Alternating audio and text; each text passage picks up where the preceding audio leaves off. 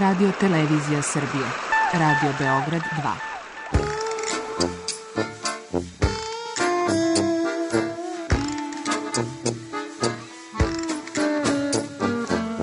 Rekli su mi, gospodine, vi ste promašili temu. Pa ja sam onda promašio život. I ne znam šta će da bude sam. Kaže, ja ne mogu više te čuvam. Šta da ti radi, kaže, snađi se kako znaš. Mi smo kao u kafesu. Za nas to je najmrtvo. To je mrtvo za nas. Naročito. I ja bih želela neko da me usvoji. To bih želela. Govori da bih te video. Program dokumentarnog zvuka.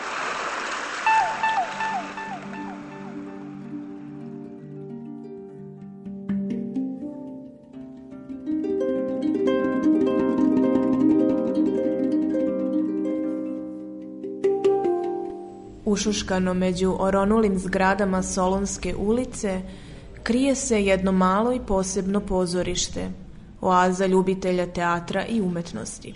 Priču o Dorćolskom narodnom pozorištu i njegove sceni Kosmodrom ispričat će glumci ovog pozorišta kao i Filip Gajić, scenarista, reditelj i osnivač Kosmodroma.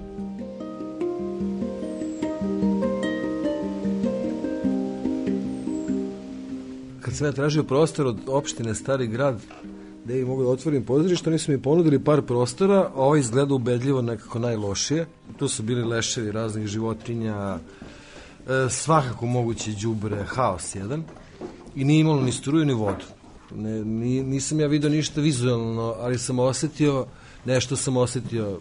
I onda sam ja, a, odmah sam prepoznao da je to to, dogovorio sam s njima, ovo je onako niko živ nije teo šta da radi sa ovim prostorom a nisam imao neki logičan razlog. Samo sam, imao sam ponudu mnogo bolju lokaciju gore, ugao Vasine i, i, i Kralja Petra. Mnogo veći prostor, 200 kvadrata, neuporedivo bolja lokacija. Međutim, taj prostor nije imao visinu, a pozorište mora da ima visinu, mora da diše prostor. I ja sam onda ipak izabrao ovaj. De, i sad, šta je ovo, to, to niko živ ne zna. Ovo znamo da je bila, poslednje što je bio, bio neki balonđija koji je pravio balone, pre njega stolarska radionica privatna, pre, njega, pre nje uh, stolarska radionica Varoš Kapije koja je država ove sve kafane po, po starom gradu. Pre njih uh, su ovde pravili tanjire od grunčarije, onda pre toga drugi svetski rat i iza šta je pre toga bilo, ja ne znam, ove zgrade iz 904. godine.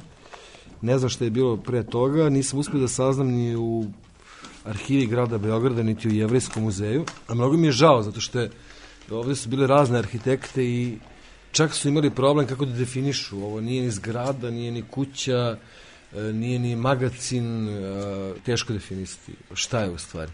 Ja se sa Filipom znam jako dugo. Mi smo još od 2009. godine kada sam radio neke predstave u KPGT-u, a 2011. smo snimili film Sizif K, koji je Filip režirao. I onda je mene Filip zvao 2015. ili 16. sad više ne znam nikoliko godina ima. 21. Ja vreme pamtim po emociji, a ne po godinama. A ne po brojevima. Da. A Filip tako uvek pozove u trenutku kad treba da te pozove. Pozvao me i radili smo uh, predstavu Nigde nikoga nemam Edvarda Bonda, da. Po tom tekstu, da, idealnu milijardu, po motivima Edvarda Bonda. I tad je Filip našao ovaj prostor i mi smo iz kulturnog centra KC grada dole, ovaj, na Sava Mali, smo prešli ovde u ovaj prostor. To je bilo ovde puno nekih, ne znam čega, Krš jedan. ma krš jedan veliki. I onda smo tu predstavu odigrali ovde par puta i onda smo pauzirali. Dok je Filip prodao automobil, pa stavio daske, pa smo mi to malo kao uredili. I onda smo s, uh, 2017. sa sestrama braće Baruh otvorili pozorište. Čim sam uveo struju, odmah smo krenuli s probama i ja sam odmah znao da to mora bude o porodici Baruh, jer su oni u ovu prostoriju sigurno dolazili. Zašto? Ako je bila neka manufaktura ili je bio u broju 34 Pinka Sisak, kinooperator, ponekad mi pada na pamet da ovo je bila njegova radionica u kojoj je on puštao filmove koje je razvijao pre nego što bi nosio u bioskop. Mo, mo, možda ovaj, ovaj tu prostor, ono, prozorče ovaj, asocira na tako nešto. I mi smo ovde radili, to bila strašna zima, strašna zima. E, ovaj Smederevac e, je recimo bio desni točak mog auta. Ložili smo, ovde smo stavili na pola jednu on, građanski najlon i Smederevac i dva kalorifera su radila i glumci su mi se smrzavali. I nismo mogli da uđemo u prostor da radimo Ja sam stalno odlagao taj trenutak zato što sam znao da moram da otvorim i ovaj drugi prostor, da skinem taj najlon, a to je bilo smešno kako je hladno. Kad čovjek odavde gde je hladno, uz sve ove grejače, pređe tamo tu, bukvalno kao da je čovjek ušao u hladnjaču, miriše na sladoled. I onda nešto sam ja na kraju tu predstavu bukvalno za 5 dana postavio celu zbog te zime koja nije dala ranije da, da, da, da krenemo. I ovde dolazila predivna jedna žena, Šela Baruh, čerka od Sonje Baruh koja je glavni lik u predstavi. I nekako je ona donela sa sobom, ona je nažalost umrla prošle godine u januaru, nešto je ona donela, tako je bila jedna energična, zanimljiva, niska žena, beskreno duhovita, pametna, dobra, onako jedna predivna, plemenita osoba. Nekako je ona svojim dolaskom ovde ostavila je taj, ostavila je taj trag. Streljanje je suviše komplikovana operacija i to loše utiče na naše vojnike. Stoga, ipak bi bilo najgore da se svi likvidiraju primjenom gasnog kamiona proizvedenog po Nobelovim uputstvima.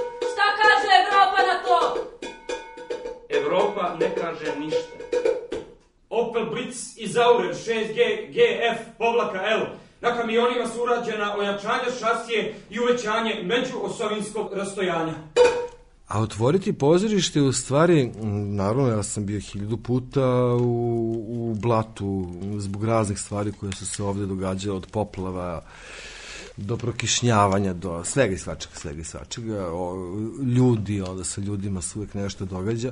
Ali ja sam u stvari otvorio četvrtu dimenziju i onda sam stalno sebi govorio, pa sad moraš, ima neka dobra američka izreka, ne znam je u originalu, ali kaže otprilike E, stvorio si zver, sad moraš da je hraniš. Definitivno sam u kosmodromu shvatio da važnije od rada i važnije od talenta je ispravna motivacija. A nekako smo se mi, iako je ta naša motivacija, može da se definiše, može da se verbalizuje, ali mislim da je ipak abstraktna. Svako objašnjenje te motivacije mi možda ne bismo umeli tačno da objasnimo. Šta je u stvari, šta je u stvari stvarno motivacija da mi ovde prolazimo kroz uh, uh, baš trnovit put, ali taj, taj trnovit put donosi uh, jednu ogromnu lepotu. O, lepotu u našim odnosima, u, u odnosu prema publici. I to je nešto što moji glumci znaju i ja uvijek insistiram pred svaku premijeru da ljudi koji dođu, dolaze iz svojih života koji su problematični, teško im je na poslu, imaju probleme u porodici i da ih najmanje zanima da se dive uh, reditelju i glumcima, da mi njima moramo sebe da damo i to je nekako to je nekako, ja mislim, dogovor između nas koji sprovodimo u svakoj predstavi od dana do dana, nekad smo u tome jači, nekad slabiji, ali ta motivacija u stvari, čak i da smo svi netalentovani i da smo ružni glupi, već bila dovoljna da ljudima bude dobro, zato što nema ovde nikakve ni slave, ni novca. Evo, videla si večeras, glumci su igrali za četvoro. Jednom sam radio na predstavu Sarajevske priče se zvali, to je igrala Eva Ras i došla nam u KPGT tako isto, četvoro, petoro ljudi. I ona koja je dobila sve moguće evropske i svetske nagrade, ona je rekla, ma mladi glumci su smorili svi. I ona im kaže, deco, nemojte da ste tužni, kada je stvar prava, ona ide do Boga, sve jedno je da li je pet ili pet hiljada ljudi. I, I ta, meni je ta rečenica puno puta pomogla da taj trenutak, tu, tu nelagodu koju uvijek imamo kad je malo ljudi prevaziđemo, ali smo toliko samouvereni u tome što radimo, sve ovo što mi pričamo, ja znam da zvuči možda malo pretencijozno, ali nekako to nam daje za pravo ova naša bitka svetelenjača nam Da se ne stekne utisak da smo mi sad ovde umišljeni umetnici kad ih ima četvoro, mi zamišljamo 44.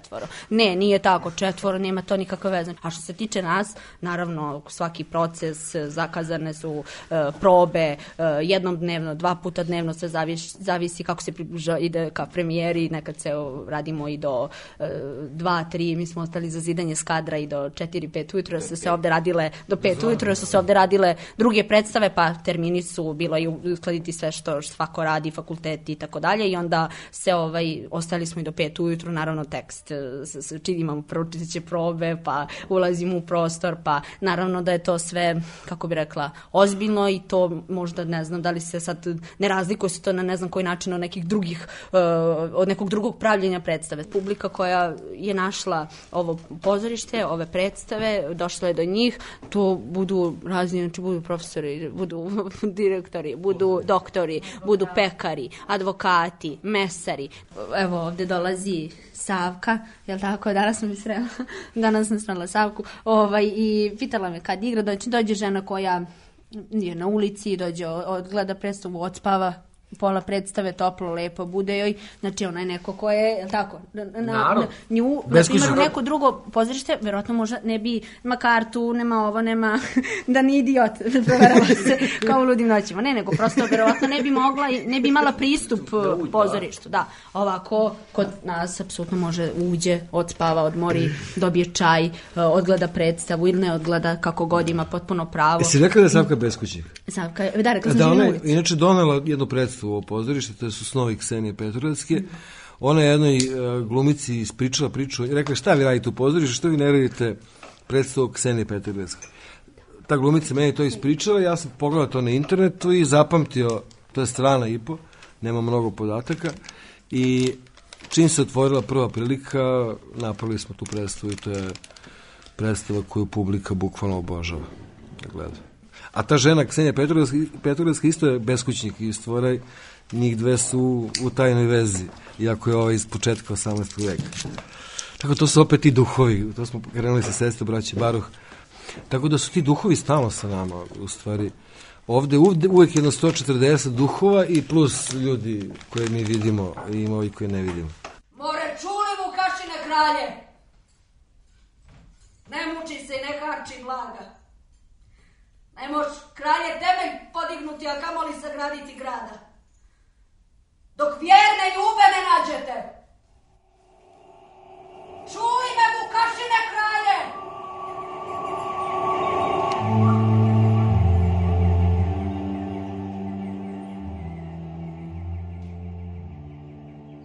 Igrala sam u Jugoslovenskom dramskom, u Narodnom pozorištu, u Kruševačkom, u Jovan Sterija u Vršcu, u ovaj pozorište Boško Buha i sad sve te neke institucije, maš, mašta je mašta, ona kao uvek, uh, jel, može bude prisutna jer u nama je duboko. E sad, koliko ti sad uvek to možeš da sprovedeš, to je pitanje. I koliko ti možeš da se otvoriš. Znači, razlika što i ovde sam nekako kao, neka, ne znam, poništila bi i akademiju. Uopšte ne bi kao to se vezala sa tim, kao gde sam došla, ne znam kako je krenulo sve iz početka. M, Mislim da nisam bila toliko e, slobodna ni, ni, ni, ni tamo na, na, na akademiji, koliko sam ovde to mogla da sama sa sobom. Ove, ali što se tiče tih institucija, naravno da je to što sam rekla, kao, to su sredine, znači gde je nešto određeno, gde ti te probe vremenski, ovo onako, onako uveče se dolazi, tebi spreman kostim, ti se oblačiš, odlaziš ko šminkera, sve, sve potpuno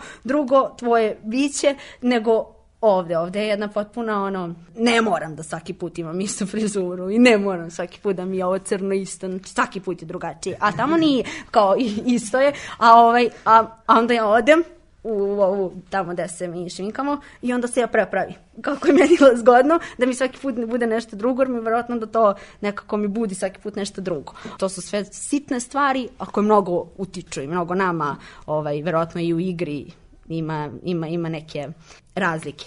A često ljudi i mladi koji isto ovde dođu i to pa kao nema mnogo ljudi, pa ne znam, će da se razvijemo neki dalji put, pa kako ću ja dalje, pa eto vidiš, ne, nekad su, bili su i ljudi ovde koji su dolazili da gledaju predstave i govorili kao pa vi možete ovo da igrate, ne znam gde, pa to je suština, što možda i može, ali ne, nije, ni, ne bi to bila poenta. Tako da, ono, mene ovaj, baš nekako kosmodrom je, ne znam, baš mi to čudno i smešno da kažem, ali baš je nekako moje, baš se tako osjećam. Mislim da kao lično, pa ga ne dam nikom, ja ga dajem, ja mu evo svima, ali je, osjećam se kao da je to nešto što je, što sam onako nekako snažno zagrlila, pa ne puštam. Eto. Baš zato što niko nikog ne tera ni na šta, nego svako ima slobodu da radi šta želi, šta osjeća i da bude ono što jeste. Baš zato što u poređenju sa ostalim institucijama koje vas veže određeni ugovor. I ljudi uvek kad imate neku obligaciju da nešto radite, samim tim se oduzima neka čar. Ovde možeš da se ne pojaviš, niko neće da te ganja, ali ti želiš i nešto te vuče. Zato što zajedno kreirate to pozorište. I bez jedne osobe, kada se ne bi pojavila, to ne bi bilo to. I baš zato postoji ta nužnost da se dođe, ne zbog novca, ne zbog ugovora, ne zbog posla, te strane posla. Ali ovo je zapravo, po mom mišljenju, prava strana posla umetnosti i glume. Ako ćemo glumu da gledamo kao umetnost, a neko biznis. Ovako smo seli u krugu, još okupili se oko vatre, stvara se jedna potpuno ple, plemenska atmosfera i ovaj, potpuno sam to osjetio i samo ne bih da s, o, budemo pogrešno shvaćeni, ovaj, nismo mi nikakvi mistifikatori, niti ovaj, grupa građana ili otpadnika koja se okupila i ovde se borimo protiv vetranjača. Mi smo svi profesionalci, radimo u, u svim tim institucijama koje isto pominjemo i i radimo je na televiziji, snimamo i već šta sve podrazumeva ovaj posao glumca, ali prosto Kosmodrom je naša oaza gde eto, svi imamo to zadovo, dostižemo to zadovoljenje duha za kojim očigledno žudimo čim smo tu. I mislim da svako ko je u Kosmodromu ne bi voleo da je bilo gde na svetu ovaj, u tom trenutku više nego na tom mestu i da je to čitava poenta našeg boravka ovde. Eto. Dobar dan, gospođo. Sanja Marković iz Krnješevaca. Da, e, zovem u vezi ovih... O, treš, da, trešnje. Da. Ne, ne, svinje, neću svinje. Trešnje. Ne, kako, kako trešnje idu... U trešnje idu i svinje. Ma ne, Ma, može, mogu li odvojeno da kupim trešnje, neću svinje. Trešnje! Sedam koji je... Nigde ne mogu da nađem trešnje. Svi samo sadnice prodaju. Mi smo krenuli sa tom, uh, otvorili smo pozorište s predstavnom sredstva braće Baruh, tad sam ja shvatio da to jevrijska priča, a Donji Dorčel je ruža, religija, ovde su svi živi živjeli, uh, mi to pomenjamo u, baš u toj predstavi sestre braće Baruh i i uh, Turci i Srbi i cincari. Bugari i Cincari i Grci cigani. i Cigani i Šiptari i uh, Dubrovčani i bo, nema ovde ko bukvalno uh, uh, ko nije živeo i uh, samim tim sve su religije bile prisutne i ja sam od toga krenuo u stvari da prva sezona bude pri, otvorili smo pozorište sa pričom o jevrejima Sledeća priča bila Lude noće sa Sovjetskim savezom, komunizam kao religija koja je ovde ostavila u, u trag u načinu života, u arhitekturi, u muzici, u raznim stvarima. Uh, onda sledeća predstava je bila uh, Šehirezada, to je svet orijenta, svet muslimana. Iza nje je bila uh, predstava legenda uh, po Krleži, koja je govorila o katoličkom svetu. Uh, napravili smo, uh, pre, da, pre toga je bila predstava Snovi Ksenije Petrogradske o pravoslavnom svetu. Nije to niti kritika, niti glorifikacija tih religija, nego to su priče koje dolaze iz tih sfera. Onda je bila predstava Dolazak bojara, to je priča o protestantima, iz, u stvari, tog miljeja. Da sam nešto propustio? Dobro, Čehov, ali dobro. Mislim, to ne, dobro, dobro, Čehov, to je drugo, nije. I karma je sublimacija svih tih komada koja u sebi ima sve i pravoslavce i katolike i jevreje i uh, sve ove druge religije, a završava se budizmom, u stvari jednim spokojem i mirom, ispravnom koncentracijom, ispravnim namerama, ispravnom motivacijom, ispravnom mišlju, ispravnim delima, što u stvari jeste u svakoj predstavi e, poruka našeg pozorišta, a to je u fikciji uvek pobeđuje dobro, u životu ne. Poenta je u stvari to da pričamo priče ili kako to piše e, na jednoj društvenoj mreži opis ovoga pozorišta umivamo iz bezumljena lica savremenika. I da je poenta u tome da dajemo, to je zaista zaista jedina poenta. I ljudi to jako dobro osjećaju. Uglavnom, priča je dokaz da život ima smisla, jer ima početak, sredinu i kraj. I tako ljudski, mi pokušavamo pričajući te priče da ljudima olakšamo život koji žive. Da, ali ima i ono posle, kad ljudi pogledaju predstavu i odu kući i ponesu je sa sobom. Znači nije samo kraj, nego se on nastavlja sa naravno, ljudima naravno, naravno, koji, naravno, to je koji to nose. kao kamenčić u bačen u vodu pa talasi koji se... Čamil Sjerić. Ne, aj ti. Čamil, veliki Čamil Sjerić kaže nije važno da li je ono što se priča istina da pouči ili izmišljeno da zabavi, već da se pričajući priče koje mi ovdje pričamo i slušajući ih dva puta živi. Čudno, čudno, jako dobro.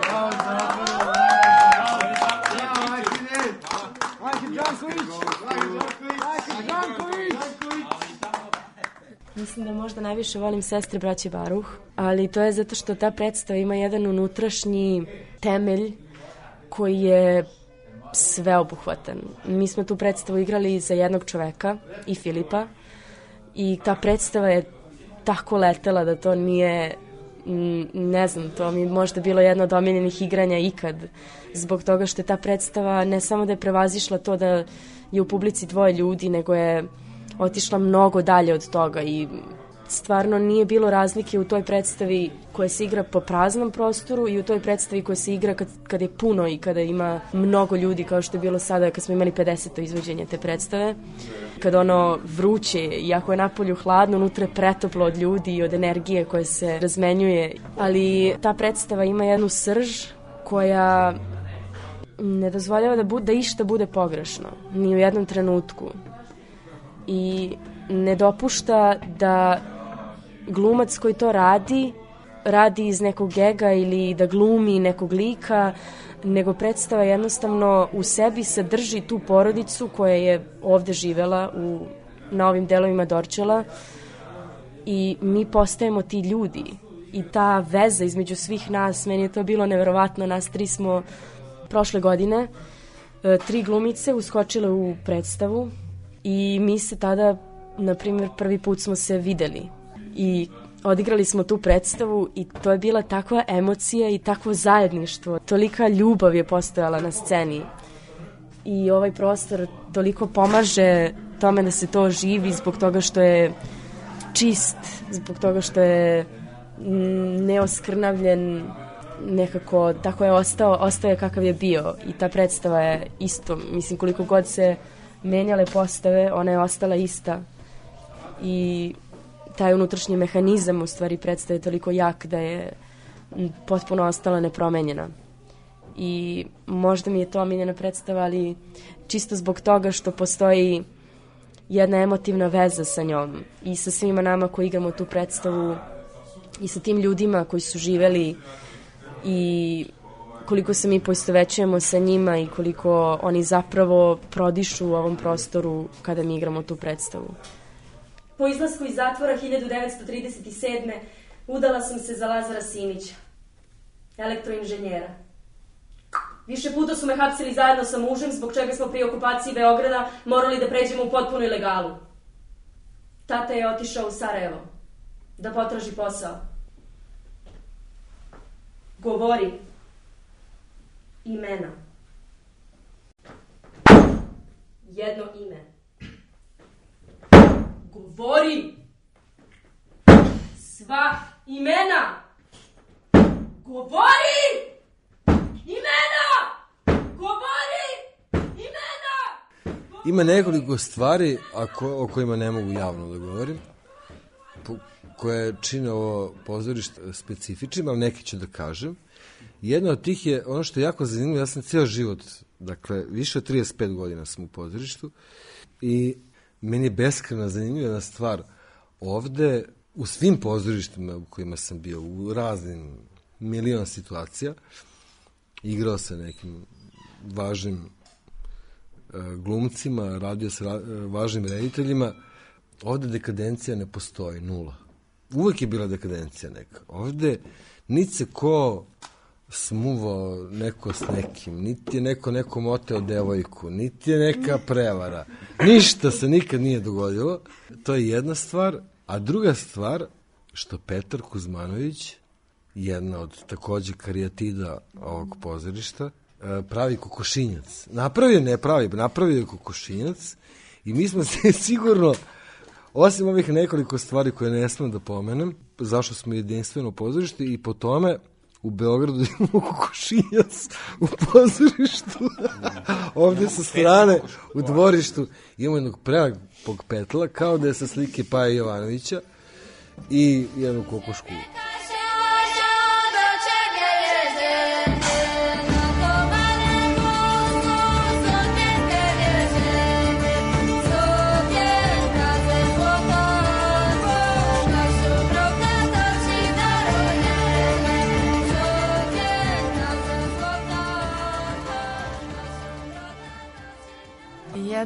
Najvažnijih stvari koju sam ja ovde saznala, ono što je Filip pokazao svima nama, je da ste sami u kontroli i da sami možete da stvorite ono što vaša duša traži, ono što je vama potrebno, kao što je, na primjer, ovo pozorište.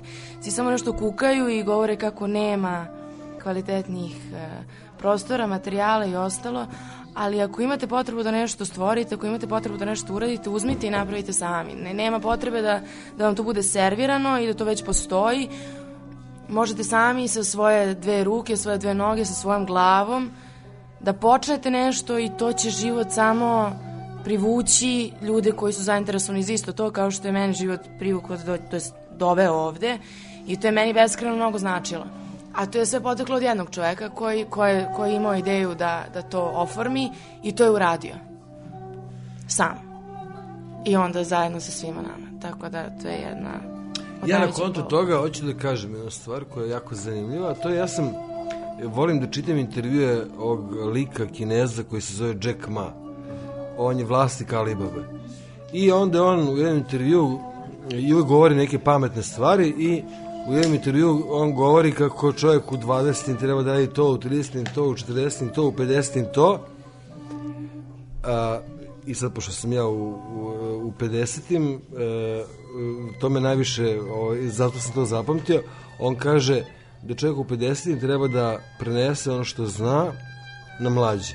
I e, sam ja bio puno puta u, u, u sobstvenim krizama kada ovo teško radi, kad teško funkcioniše, kad teško ide, kad se stvari preko noći se krenu da se ruše uh, uh, iz raznih razloga i onda sam ja shvatio da stvari moje lično dve motivacije su to da njima prenesem znanje a, i drugo, ne samo znanje, važnije od toga da im ostavim crv da oni za 10-20 godina e, zapamte da je moguće napraviti pozorište bez ikakvih političkih leđa, ekonomskih leđa, bez ikoga, protiv svih zakona fizike i da se sete da su učestvovali u nečem, da oni to imaju u malom prstu, da mogu da naprave pozorište, a da ne moraju, ne moraju nigde da sagnu glavu, da ne moraju da se ponižavaju, da ne moraju da pristaju na kompromise koji ih vode u nešto što nisu oni. A čovjek je najnesrećniji kad nije to što jeste.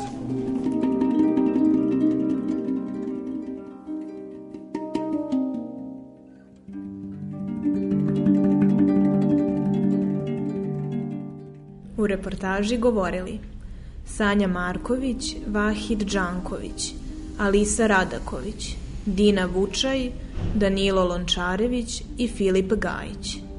Autor Milena Radić.